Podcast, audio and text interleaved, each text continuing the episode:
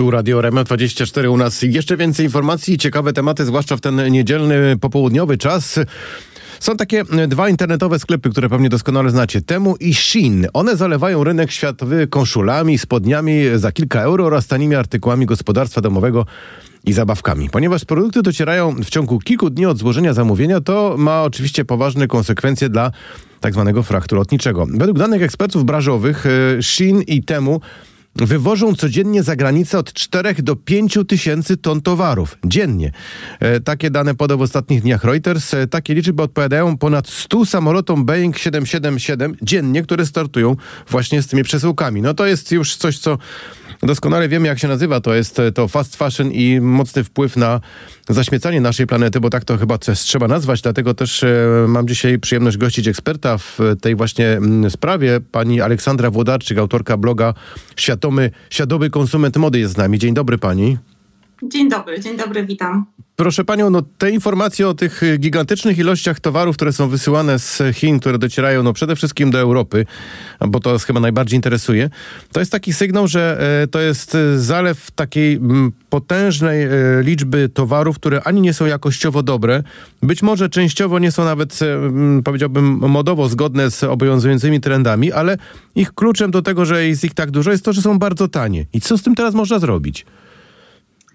Co można zrobić? To jest, to jest dobre pytanie. To znaczy, najpierw powiedziałabym, że to nawet nie jest fast fashion, to jest tak zwana ultra fast fashion albo real time e, fashion. To znaczy, te sieci wypuszczają dziennie kilka tysięcy nowych modeli.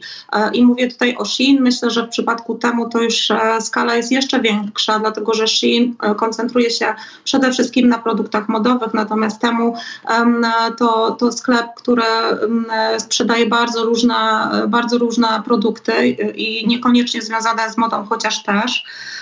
A co możemy zrobić? W zasadzie te produkty bardzo szybko e, stały się popularne, czy te firmy stały się bardzo szybko popularne nie tylko w Europie, ale i w Stanach. I co możemy zrobić? To jest ciekawe pytanie, dlatego że te marki, te firmy korzystają niestety z takiej luki prawnej, która, która jest w postaci kwoty wolnej od cła na takie paczki o niskiej wartości. Jest to kwota w Europie 150 euro i w zasadzie tutaj e, nie ma żadnej walki, tak? E, a powinniśmy się przed tym bronić, dlatego że Chiny w zasadzie nie dopuszczają do swojego rynku podobnych aplikacji z Unii Europejskiej Europejskiej czy ze Stanów. Natomiast Europa i Stany są kompletnie otwarte na ten moment, e, mimo tego, że zaczyna się zauważać e, olbrzymi wpływ negatywny, nie tylko środowiskowy, ale wiele innych aspektów tutaj wchodzi w, w grę. Także ja liczę na to, że w najbliższym czasie zarówno Unia Europejska w ramach e, prac nad nowym prawem w kontekście ochrony środowiska w wielu branżach, ale również w branży odzieżowej, będzie działała no, ochronnie, tak? I, I, to powinna być ochrona nie tylko interesów um, firm um, europejskich, ale też ochrona po prostu um, środowiska naturalnego. Słyszymy o tych produktach, które są przede wszystkim bardzo tanie. Wspomniała Pani o tym przed chwilą. Ja się zastanawiam, jak to jest możliwe, że oni tych kilka tysięcy produktów w ciągu e, tygodni czy miesięcy wprowadzają. Przecież to realnie rzecz biorąc musi być oparte na jakimś e, systemie pracy, który no, wyzyskiem jest, to jest mało powiedziane. E, no tak, to jest, tu jest ciekawe pytanie, e, jak oni w ogóle są w stanie tworzyć, wymyślać te produkty. Kto to robi? Przecież to muszą być też ludzie, którzy mają jakąś no, wiedzę, przede wszystkim no, są mocno technologicznie zaawansowani, bo przecież przestawienie linii produkcyjnej nawet dla produkcji spodni to nie jest coś, co się da zrobić w 15 minut. E, tak, natomiast oni korzystają z bardzo szerokiej sieci dostawców e, i często niestety wiąże się to dosłownie z pracą niewolniczą i tutaj zarzuty wobec tych, tych firm e, są, istnieją i, i, i są coraz częściej ujawniane przez różne organizacje na świecie, w Europie czy w Stanach. No niestety, rzecz jest w tym, że te marki, te firmy często po prostu kopiują i ciężko, ciężko tak naprawdę to skontrolować bo są to firmy zlokalizowane w Chinach albo w Singapurze tak naprawdę mają swoje siedziby e, i one kopiują to jest jedna rzecz i to jest coś, co jest kompletnie nieuczciwe w stosunku do firm, które zatrudniają projektantów i gdzieś tam um, projektują, um, poświęcają temu czas. Um, druga rzecz jest taka, że one korzystają ze sztucznej inteligencji do projektowania i, i też do analizy danych i, i do tego, żeby tworzyć produkty dostosowane do potrzeb e, klientów, czyli e, sztuczna inteligencja jest w stanie przeanalizować na podstawie tego, co kupują Europejczycy czy osoby mieszkające w Stanach Zjednoczonych, wysnuć wnioski, zobaczyć, jakie są potrzeby i tworzyć produkty, projektować produkty dokładnie w oparciu o te, o te potrzeby. Także to jest niesamowite. Natomiast jeśli chodzi o łańcuchy dostaw, to oczywiście tutaj zarzuty są bardzo poważne i to jest nie tylko kwestia szwalni, w których e, kobiety pracują bez przerwy po 75 godzin i, i, i tu, tu, tutaj e, są absolutne pogwałcenia praw człowieka w, w, w tych łańcuchach dostaw. Natomiast e, mówi się też o tym, że, że Shein korzysta z bawełny produkowanej w przymusowych obozach obozach pracy w rejonie Xinjiang w Chinach. E, no i z tego powodu również mogą być te produkty e, tańsze.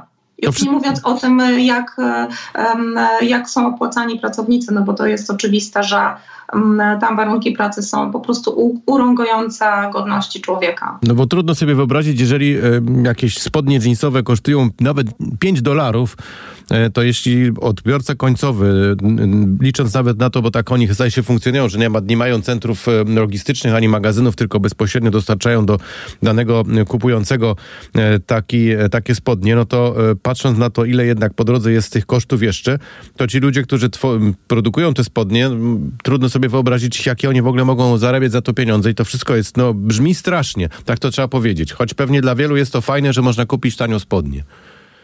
No tak, można kupić tanio spodnie, natomiast y, trzeba wiedzieć, z jakimi kosztami i społecznymi, środowiskowymi się to wiąże. Tak? Każda rzecz, y, każde ubranie, być może y, przeciętni konsumenci nie zdają sobie z tego sprawy, ale każde ubranie pochodzi z zasobów ziemi. To nie jest tak, że um, o, te rzeczy biorą się znikąd. Bawełna uprawia się i, i, to jest zasób, który jest bardzo wodochłonny na przykład. Tak? Um, każde ubranie powstaje z zasobów natury um, i musimy wiedzieć, że to się wiąże z określonym kosztem dla, dla środowiska, nie tylko w kontekście e, emisji gazów cieplarnianych i tego transportu, ale również e, w kontekście pozyskiwania zasobów. Natomiast e, widziałam gdzieś też dane mm, takie, że Shein produkuje emituje tyle gazów cieplarnianych rocznie, co 180 elektrowni węglowych. Także te dane po prostu są porażające, tak? I mimo tego, że jesteśmy świadomi, że te koszty środowiskowe przemysłu, również właśnie odzieżowego, są e, przytłaczające dla naszej planety, to tutaj z drugiej strony rodzi się taki biznes ultra fast fashion, który niestety jest wspierany przez e, rząd chiński w ramach e, ratowania jakby wzrostu gospodarczego w tym kraju. Mm, te firmy są zwalniane z podatku, są dotowane i również z tego powodu one mają taką siłę.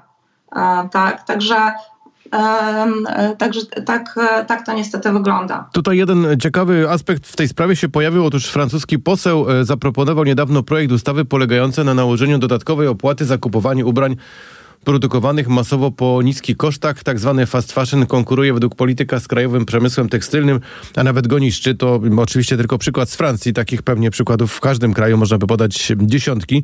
Zastanawiam się tylko, czy to y, mogłoby w jakikolwiek sposób zmienić nastawienie y, kupujących, no bo jeśli ten podatek będzie nawet w, w stuprocentowej wartości y, to, zakupionego towaru, to pewnie to też jeszcze nie odstraszy. E, no właśnie, dzisiaj e, europejskie marki fast fashion cierpią e, w starciu z, z tymi markami chińskimi i ja uważam, że nadal w fast fashion ceny są, ubrań są za niskie, natomiast, natomiast uważam, że absolutnie powinniśmy przede wszystkim chronić naszą planetę i ustawić takie warunki importu takich poszczególnych, pojedynczych sztuk odzieży, żeby one były przynajmniej konkurencyjne cenowo z produktami, które, które można kupić w Europie. I E, tutaj przede wszystkim chodzi o ochronę środowiska według mojego uznania. Tak? E, na pewno biznes europejski postrzega to również w kontekście ochrony swoich interesów po prostu. Natomiast uważam, że istnieje wiele instrumentów, które mogłyby przyczynić się do tego, żeby jednak ochronić siebie, a przede wszystkim planetę przed tym porażająco niszczącym efektem ultra fast fashion. Tak, to jeszcze jedna kwestia na koniec. Tak się wydaje, że tutaj apelowanie do y, użytkowników, do klientów, czy to w Polsce, czy w innych krajach Europy, czy nawet świata, o taką e, odpowiedzialność ekologiczną, żeby nie kupowali tych produktów, bo one są w takich warunkach, jakich mówiliśmy, produkowane i przede wszystkim no, taki wpływ mają na środowisko, chyba nie ma sensu. Pytanie, czy y, jakimiś innymi akcjami społecznymi można byłoby trochę zmienić sposób postrzegania ludzi i zniechęcenie ich do tego, żeby kupować tanie rzeczy tylko dlatego, że są tanie. Ja myślę, że tu przede wszystkim świadomość, tak, jak powstają ubrania, e, z jakim kosztem się to wiąże. E, I ja uważam, że mm, zresztą dlatego założyłam e, i prowadzę media społecznościowe pod nazwą Świadomy Konsument Mody, bo wierzę, że jednak ta siła konsumentów rośnie i że osoby, które chcą być bardziej świadome, zmieniają swoje nawyki, bo zresztą dostaję taki feedback od swoich obserwujących. Oczywiście to jest proces i Ja oczywiście mam świadomość, że żyję w jakiejś bańce i to nie jest duża liczba użytkowników, którzy rzeczywiście starają się podejmować inne decyzje zakupowe albo ograniczać.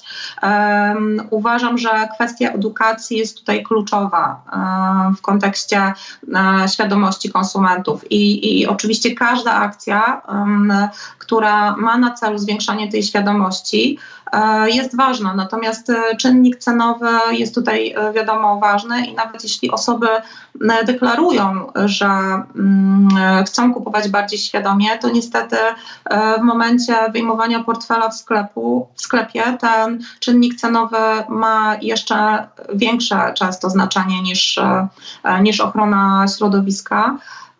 To na pewno jest proces. Dlatego ja uważam, że jakby w, w całym tym systemie są trzy strony. Są firmy, są konsumenci, którzy powinni się ograniczać, ale są też rządy i to właśnie do rządów przede wszystkim, to rządy przede wszystkim mają narzędzia do tego, żeby ten system zmienić bo firmy oczywiście nie mają w tym interesu i nie będą chciały się dobrowolnie zmieniać. Um, I to już obserwujemy od lat, bo o zrównoważonej modzie się nie mówi od wczoraj, ale od wielu lat. Tak. Um, natomiast firmy, mam wrażenie, niestety przyklejają tylko takie plasterki tam, gdzie się, nie, tam, gdzie się da i tam, gdzie to nie zaburza e, istniejącego modelu biznesowego. E, firmy nie chcą się zmieniać, e, bo zarabiają mnóstwo pieniędzy. Natomiast rządy mają tutaj olbrzymią rolę do odegrania i w edukacji konsumentów, i w stworzeniu skutecznego prawa, które wyeliminuje fast fashion. Czy to będzie fast fashion, czy to będzie ultra fast fashion tak naprawdę. Tak, to bardzo ważne zdanie, które pani powiedziała i czekamy zatem na kolejne, na, na, na początek może europejskie regulacje, bo tak jak wyszły te wszystkie dokumenty związane z cyfrowym światem, które też uregulują pewne rzeczy, być może w tym zakresie też pojawią się jakieś propozycje w najbliższym czasie, które no, pomogą przede wszystkim e, opanować e, ten zalew tego ultra fast fashion. Bardzo pani dziękuję za rozmowę. Naszym gościem dziś była pani Aleksandra Włodarczyk, autorka wspomnianego bloga Świadomy Konsument Mody. Dobrej niedzieli pani życzę i do usłyszenia. Dziękuję bardzo, do widzenia.